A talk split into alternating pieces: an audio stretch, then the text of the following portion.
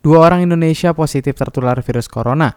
Presiden Joko Widodo atau yang biasa disapa Jokowi mengumumkan ada dua orang Indonesia yang positif tertular virus corona.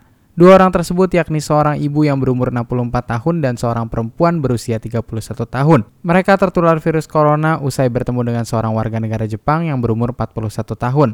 Pemerintah Malaysia menyebut warga negara Jepang tersebut memiliki riwayat perjalanan ke Indonesia pada awal Februari 2020. Kedua pasien sudah dirawat di Rumah Sakit Sulianti Saroso, Jakarta Utara. Berkenaan dengan berita ini, teman-teman disarankan untuk tetap tenang. Lalu jangan lupa untuk mencuci tangan, kurangi kontak tangan dengan bagian wajah, jaga kesehatan, dan kurangi intensitas bepergian.